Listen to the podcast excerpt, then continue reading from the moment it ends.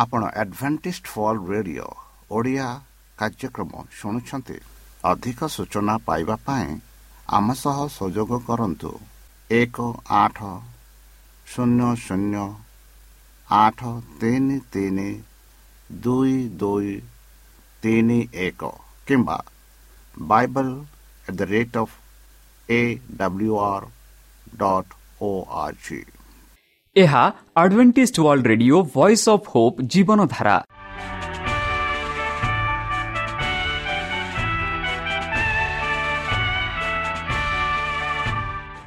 Odia radio କାର୍ଯ୍ୟକ୍ରମ ଯାହା ଆମର ଆନ୍ତର୍ଜାତୀୟ ଆଘାତ କେନ୍ଦ୍ରରୁ ପ୍ରସାରଣ କରାଯାଉଛି ପ୍ରତିଦିନ ରାତି ନଅଟା ତିରିଶ ମିନିଟ୍ରେ। ମୁଁ ସୁବ୍ରତ କୁମାର ପତି ପ୍ରେମର ସହ ଆପଣମାନଙ୍କୁ ଏହି କାର୍ଯ୍ୟକ୍ରମକୁ ସ୍ୱାଗତ କରୁଅଛି। ଚାଲନ୍ତୁ ଆଜିର ତିରିଶ ମିନିଟ୍ର କାର୍ଯ୍ୟକ୍ରମ ବିଷୟରେ ଜାଣିନେବା। ପ୍ରଥମେ ରଖିଛୁ ଆଧ୍ୟାତ୍ମିକ ଭକ୍ତିମୟ ଗୀତ। ଏହାପରେ ଶୁଣିବା ସ୍ୱାସ୍ଥ୍ୟ ବିଷୟରେ ଭକ୍ତଙ୍କଠାରୁ ଜୀବନଦାୟକ ଈଶ୍ୱରଙ୍କ ବାକ୍ୟ। ପ୍ରିୟ ଶ୍ରୋତା ତାହେଲେ ଚାଲନ୍ତୁ ଶୁଣିବା ଏକ ଆଧ୍ୟାତ୍ମିକ ଭକ୍ତିମୟ ଗୀତ।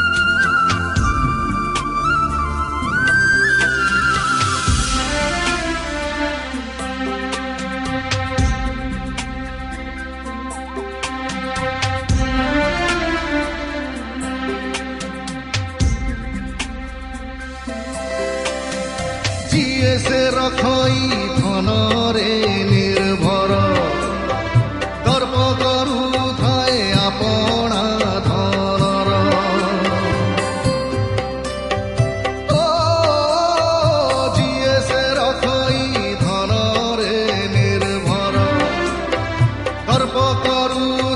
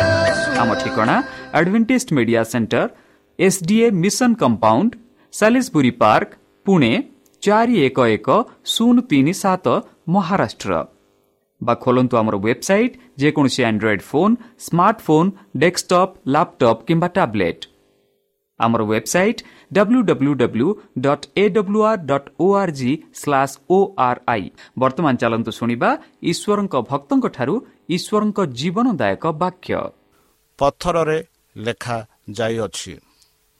ଭାଗ ଏକ। ନମସ୍କାର ପ୍ରିୟ ଶ୍ରୋତା। ସେହି ସର୍ବଶକ୍ତି ସର୍ବଜ୍ଞାନୀ ପ୍ରେମର ସାଗର ଦୟାମୟ ଅନ୍ତର୍ଜମୀ ଅନୁଗ୍ରହ ପରମ ପିତାଙ୍କ ମଧୁର ନାମରେ ମୁଁ ପାଷ୍ଟ ପୂର୍ଣ୍ଣଚନ୍ଦ୍ର ଆଉ ଥରେ ଆପଣମାନଙ୍କୁ ଏହି କାର୍ଯ୍ୟକ୍ରମରେ ସ୍ୱାଗତ କରୁଅଛି। ସେହି ସର୍ବଶକ୍ତି ପରମେଶ୍ୱର ଆପଣମାନଙ୍କୁ ଆଶୀର୍ବାଦ କରନ୍ତୁ। ଆପଣଙ୍କୁ ସମସ୍ତ ପ୍ରକାର ଦୁଃଖ କଷ୍ଟ ବାଧା କ୍ଲେଶ ଓ ରୋଗରୁ ଦୂରେଇ ରଖନ୍ତୁ। ଶତ୍ରୁ ସୈତାନ ହସ୍ତରୁ ସେ ଆପଣଙ୍କୁ ସୁରକ୍ଷାରେ ରଖନ୍ତୁ। ତାହାଙ୍କ ପ୍ରେମ ତାହାଙ୍କ ସ୍ନେହ ତାହାଙ୍କ କୃପା ତାହାଙ୍କ ଅନୁଗ୍ରହ ସଦାସର୍ବଦା ଆପଣଙ୍କଠାରେ ସହବର୍ତ୍ତୀ ରହ। ପ୍ରିୟ ଶ୍ରୋତା ଚାଲନ୍ତୁ। ଆଜି ଆମ୍ଭେମାନେ କିଛି ସମୟ ପବିତ୍ର ଶାସ୍ତ୍ର ବାଇବଲଠୁ ତାହାଙ୍କ ଜୀବନଦାୟକ ବାକ୍ୟ ଧ୍ୟାନ କରିବା। ଆଜିର ଆଲୋଚନା ହେଉଛି ପଥରରେ ଲେଖାଯାଇଛି ବନ୍ଧୁ ଯେହେତୁ ଅପରାଧ ଏବଂ ହିଂସା ଆମ ସହର ଏବଂ ଘର ଉପରେ ଅତିକ୍ରମ କରିଛି ଏହାର ଅର୍ଥ ନୁହେଁ କି ଶାନ୍ତି ଏବଂ ନିରାପତ୍ତାକୁ ସୁରକ୍ଷିତ ରଖିବା ପାଇଁ ଆମେ ସମସ୍ତେ ଦେଶର ନିୟମ ମାନିବା ଉଚିତ। ଠିକ୍।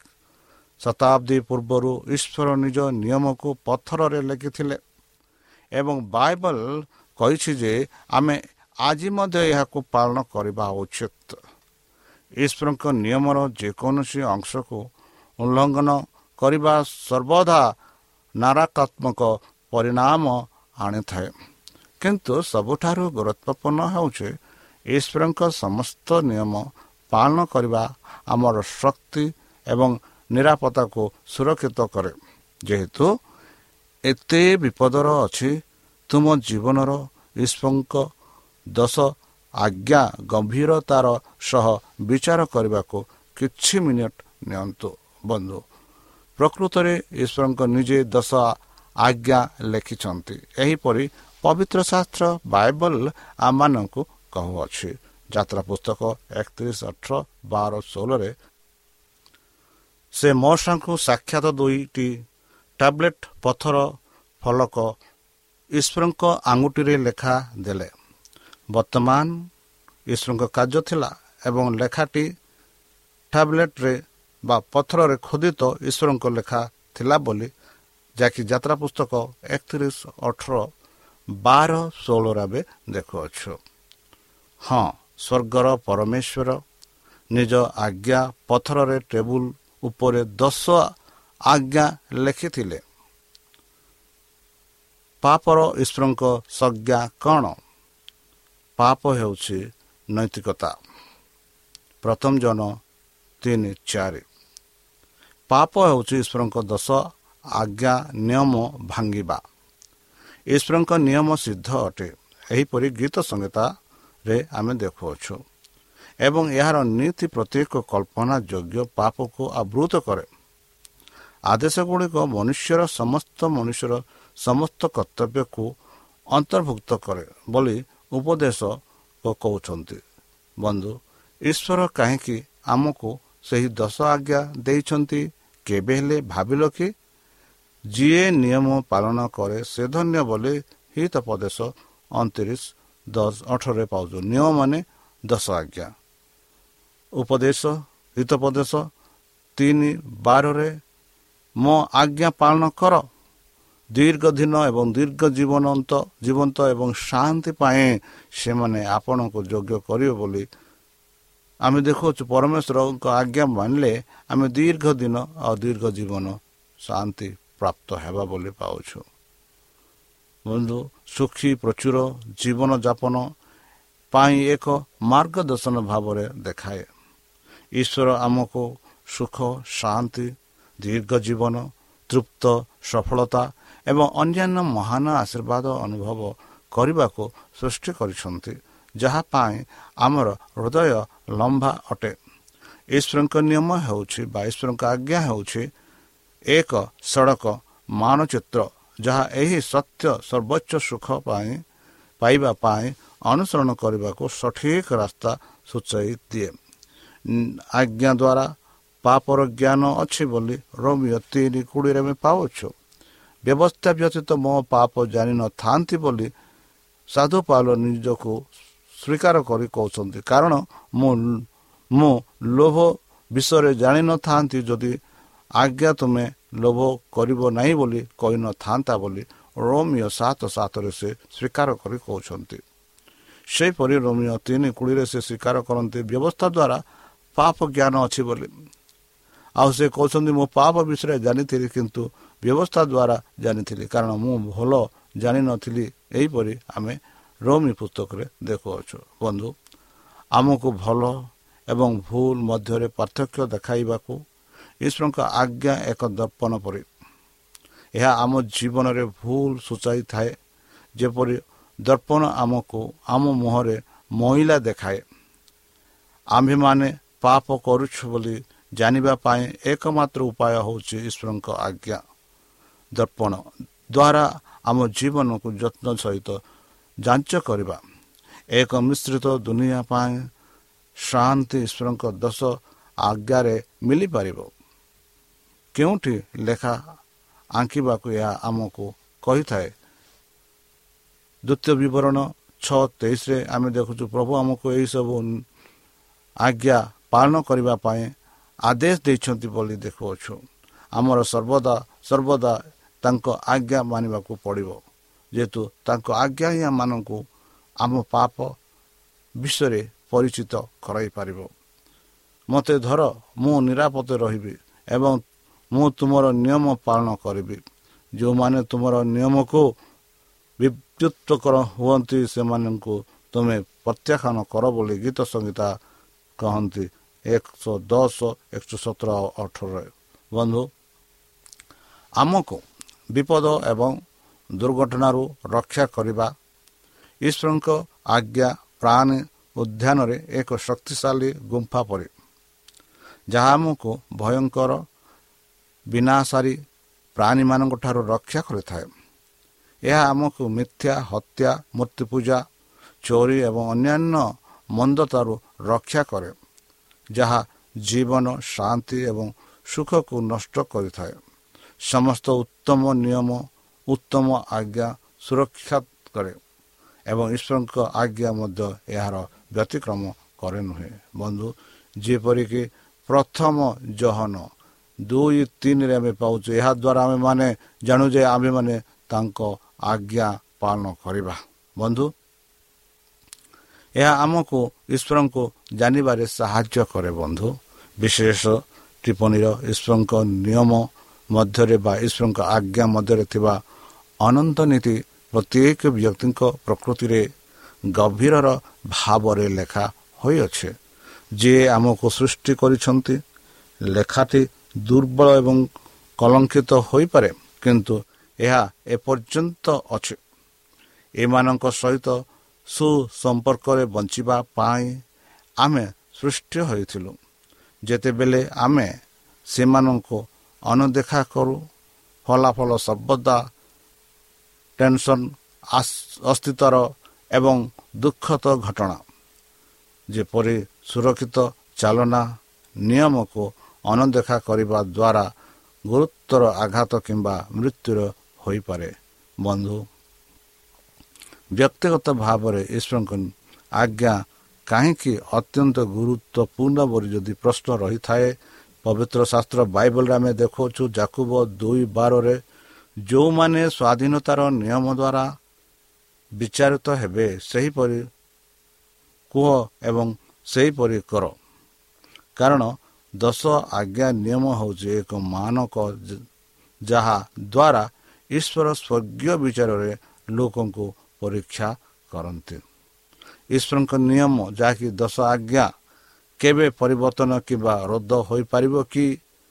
ବନ୍ଧୁ ଆଜିକାଲି ଆମେ ଦୁନିଆରେ ଦେଖୁଅଛୁ କି ଅଧିକାଂଶ ଲୋକେ କହନ୍ତି ଈଶ୍ୱରଙ୍କ ଦଶ ଆଜ୍ଞା ବା ସେହି ନିୟମ କ'ଣ ହୋଇଛି? ଦର୍ଦ ପବିତ୍ର ଶାସ୍ତ୍ରରୁ ବାହାର କରାଯାଇଛି ବୋଲି କହନ୍ତି ବା ରଦ୍ଦ କରାଯାଇଛି ବୋଲି କହନ୍ତି। ମାତ୍ର ଏହି ବିଷୟରେ ପବିତ୍ର ଶାସ୍ତ୍ର ବାଇବଲ କ'ଣ କୁହେ? ଯେପରି ଲୋକ ଷୋହଳ ସତରରେ ଏହା କହିକେ ଆଇନର ଗୋଟିଏ ଟାଇପ୍ର ବିଫଳ ହେବା ଅପେକ୍ଷା ସ୍ୱର୍ଗ ଓ ପୃଥିବୀ ଅତିକ୍ରମ କରିବା ସହଜ।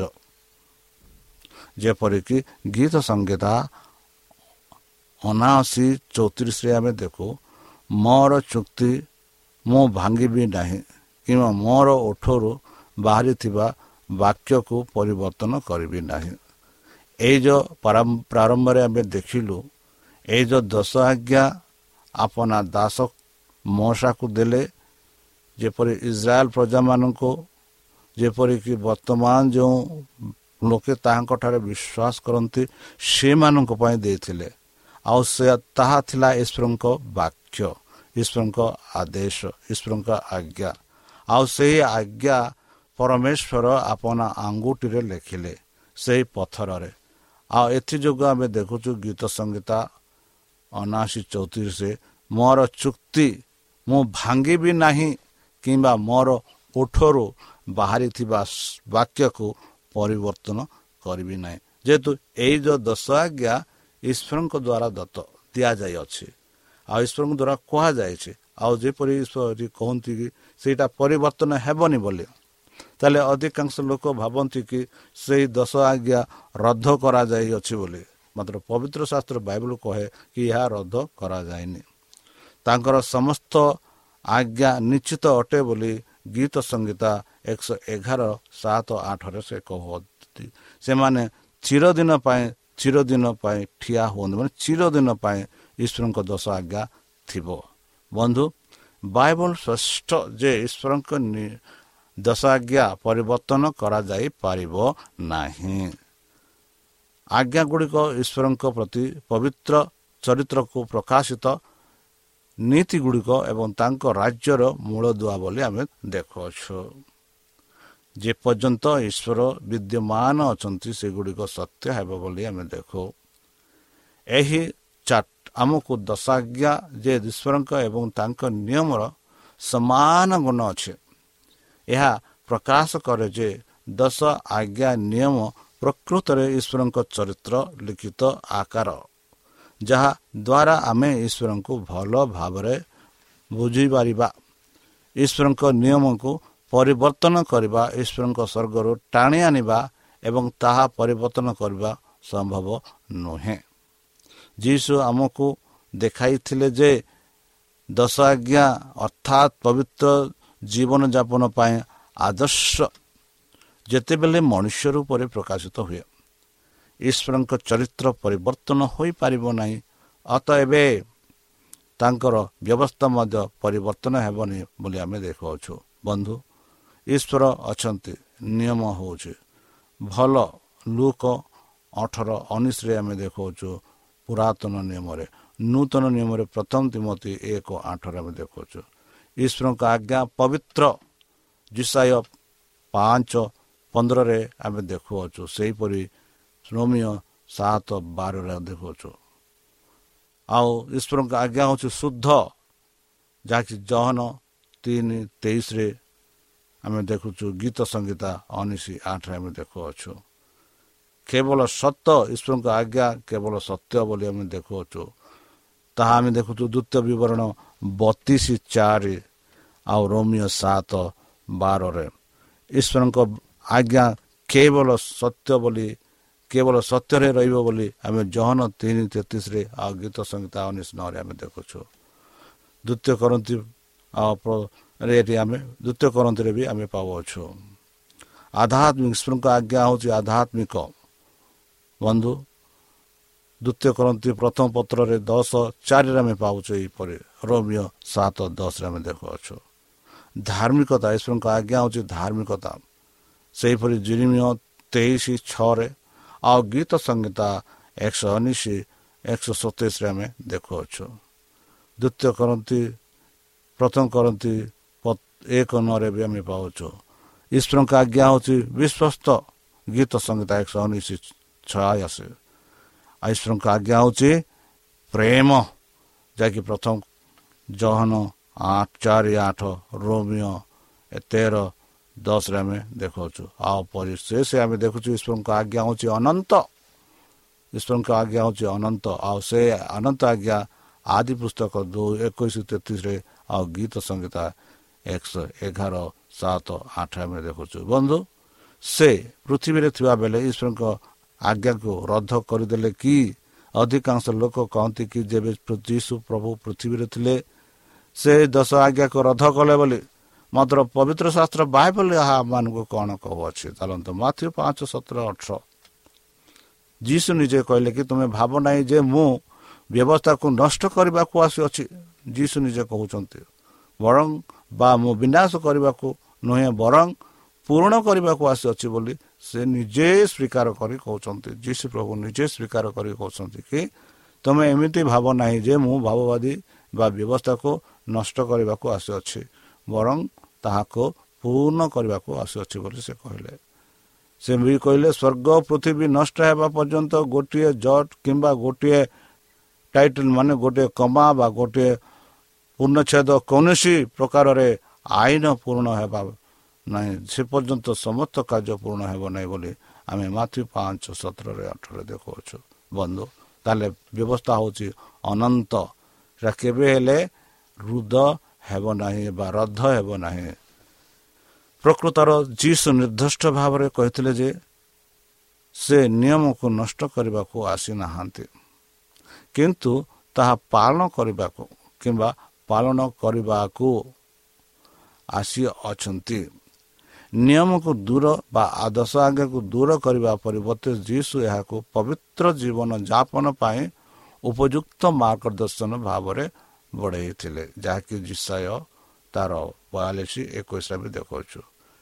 ଉଦାହରଣ ସ୍ୱରୂପ ଯୀଶୁ ଦର୍ଶ ଦର୍ଶାଇଛନ୍ତି ଯେ ତୁମେ ହତ୍ୟା କର କରିବ ନାହିଁ କ୍ରୋଧ ବିନା କାରଣ ନିନ୍ଦା କରେ ବୋଲି। ଏହିପରି ଆମେ ଅନେକ ଉଦାହରଣ ପାଉଛୁ କି ତୁମେ ଲୋଭ ବ୍ୟବିଚାର ଏହିପରି ଦଶ ଆଜ୍ଞାରେ ଯାହା ଯାହା ଅଛି ତାହା ଯୀଶୁ ଖ୍ରୀଷ୍ଟ ନିଜେ ବୁଝାଇ କହିଥିଲେ। ଯଦି ତୁମେ ମୋତେ ପ୍ରେମ କର ତାହେଲେ ମୋର ଦଶ ଆଜ୍ଞା ପାଳନ କର ବୋଲି ଜହନ ଚଉଦ ପନ୍ଦରରେ ଯୀଶୁ ସ୍ପଷ୍ଟ ରୂପରେ ଆମମାନଙ୍କୁ କହୁଛି ଯଦି ଆମେ ଯୀଶୁ ଖ୍ରୀଷ୍ଟଙ୍କୁ ପ୍ରେମ କରୁଛୁ ତାହେଲେ ନିଶ୍ଚିତ ରୂପେ ତାଙ୍କ ଆଜ୍ଞା ପାଳନ କରିବା। ଆଉ ଯଦି ଆମେ ଯୀଶୁ ଖ୍ରୀଷ୍ଟକୁ ପ୍ରେମ କରୁନାହୁଁ କରୁନାହୁଁ ତାହେଲେ ଆମେ କହିବା କି ଯୀଶୁ ଖ୍ରୀଷ୍ଟ ତାଙ୍କ ଆଜ୍ଞା ଦଶ ଆଜ୍ଞାକୁ ବୃଦ୍ଧ କରିଛନ୍ତି ଆଉ ପାଲିବାର କିଛି କାରଣ ନାହିଁ ବୋଲି କାରଣ ନାହିଁ ବୋଲି ଆମେ ଲୋକେ କହନ୍ତି ମାତ୍ର ଆମେ ଦେଖୁଛୁ ସେହି ଦଶ ଆଜ୍ଞା ଅନନ୍ତ ଆଉ ଦଶ ଆଜ୍ଞାକୁ ପୂର୍ଣ୍ଣ କରିବା ପାଇଁ ଯୀଶୁ ଖ୍ରୀଷ୍ଟ କହୁଛନ୍ତି ଆଉ ସେ କହିଲେ। ଯେଉଁମାନେ ଜାଣିଶୁଣି ଈଶ୍ୱରଙ୍କ ଆଦେଶ ଭାଙ୍ଗିବା ଜାରି ରଖିଲେ ସେମାନଙ୍କୁ କ'ଣ ହେବ? ସେମାନଙ୍କୁ କ'ଣ ଘଟିବ? ଆମେ ରୋମିଓ ଛଅ ତେଇଶରେ ଦେଖୁଛୁ ପାପର ପୁରସ୍କାର ମୃତ୍ୟୁ ବା ପାପର ବେତନ ହେଉଛି ମୃତ୍ୟୁ। ଯେ କେହି ଲୋକେ ପାପ କରନ୍ତି ଆଉ ତାର ବେତନ ବା ତାର ପୁରସ୍କାର ବା ତାର ଉପହାର ହେଉଛି ମୃତ୍ୟୁ। ସେହିପରି ଜିସାୟ ତେର ନରେ ଆମେ ଦେଖୁଛୁ ସେ ଏହାର ପାପୀମାନଙ୍କୁ ବିନାଶ କରିବେ। ମାନେ ଯେତେ ଲୋକ ପବିତ୍ର ଆଜ୍ଞା ମାନି ନାହାନ୍ତି ତାହା ବିରୁଦ୍ଧରେ ପାପ କରୁଛନ୍ତି ସେମାନଙ୍କୁ ପରମେଶ୍ୱର ବିନାଶ କରିବେ। ଯିଏ ସମ୍ପୂର୍ଣ୍ଣ ନିୟମ ନିୟମ ପାଳନ କରିବ ଏବଂ ତଥାପି ଗୋଟିଏ ସ୍ଥାନରେ ଝୁଣ୍ଟି ପଡ଼ିବ ସେ ସମସ୍ତ ପାଇଁ ଦୋଷୀ ହେବ ବୋଲି ଜାକୁବ ଦୁଇ ଦୋଷରେ କହୁଅଛି। ବନ୍ଧୁ ତାହେଲେ ଚାଲନ୍ତୁ ଯେଉଁ ନିୟମ ଆମ ପରମେଶ୍ୱର ମାନଙ୍କୁ ପ୍ରଦାନ କରୁଛନ୍ତି ସେ ନିୟମକୁ ଆମେ ଆତ୍ମାତୁଲ୍ୟ ପ୍ରେମ କରିବା ଆଉ ପ୍ରେମରେ ଆମେ ତାକୁ ରଖିବା ଯେପରି ପରମେଶ୍ୱରଙ୍କ ସମ୍ମୁଖରେ ଆମେ ଧାର୍ମିକ ଗଣିତ ହେବା। ତାହେଲେ ଚାଲନ୍ତୁ ନିଜକୁ ସମର୍ପଣ କରି ତାହାଙ୍କ ମଧ୍ୟର ନାମେ ଆମେ ପ୍ରାର୍ଥନା ଉତ୍ସର୍ଗ କରିବା। ହେ ଆମ୍ଭମାନଙ୍କ ସର୍ବଶକ୍ତି ସର୍ବଜ୍ଞାନୀ ପ୍ରେମର ସାଗର ଦୟାମୟ ଅନ୍ତର୍ଜମୀ ଅନୁଗ୍ରହ ପରମ ପିତା। ଧନ୍ୟବାଦ ଅର୍ପଣ କରୁଛୁ ପ୍ରଭୁ ବର୍ତ୍ତମାନ ଯେଉଁ ବାକ୍ୟ ତୁମ ଭକ୍ତମାନଙ୍କୁ ଶୁଣାଇଲେ ସେହି ବାକ୍ୟ ଅନୁସାରେ ଆମକୁ ଚାଲିବା ପାଇଁ ବୁଦ୍ଧିରେ ଜ୍ଞାନରେ ଶକ୍ତିରେ ପରିପୂର୍ଣ୍ଣ କର। ଆମ ପାପ ସବୁ ତୁମ ସେହି ବହୁମୂଲ୍ୟ ରକ୍ତରେ ପରିଷ୍କାର ରୂପେ ଧୋଇଦିଅ। ଆଉ ପରିଶେଷ ଯେବେ ତୁମେ ତୁମ ସେହି ସହସ୍ରଦୂତଙ୍କ ସହ ଆସିବେ ସେତେବେଳେ ଆମମାନଙ୍କୁ ଏକ ବାସସ୍ଥାନ ଦିଅ ବୋଲି ତ୍ରାଣକର୍ତ୍ତା ପ୍ରଭୁ ଯୀଶୁଙ୍କ ମଧୁରମୟ ନାମରେ ଏହି ଛୋଟ ବିକ୍ଷମ ଅଛି ଶୁଣି ଗ୍ରହଣ କର। ଆମେନ୍। ପ୍ରିୟ ଶ୍ରୋତା ଆମେ ଆଶା କରୁଛୁ ଯେ ଆମର କାର୍ଯ୍ୟକ୍ରମ ଆପଣମାନଙ୍କୁ ପସନ୍ଦ ଲାଗୁଥିବ।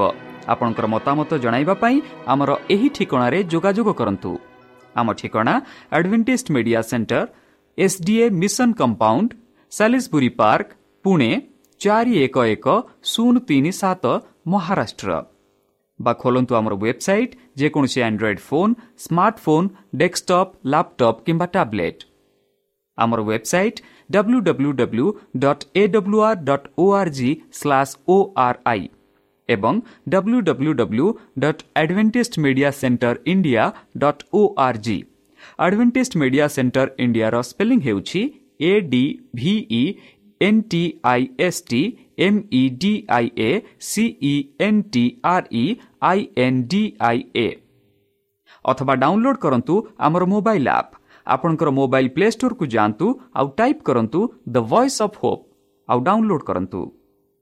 ଈଶ୍ୱର ଆପଣଙ୍କୁ ଆଶୀର୍ବାଦ କରନ୍ତୁ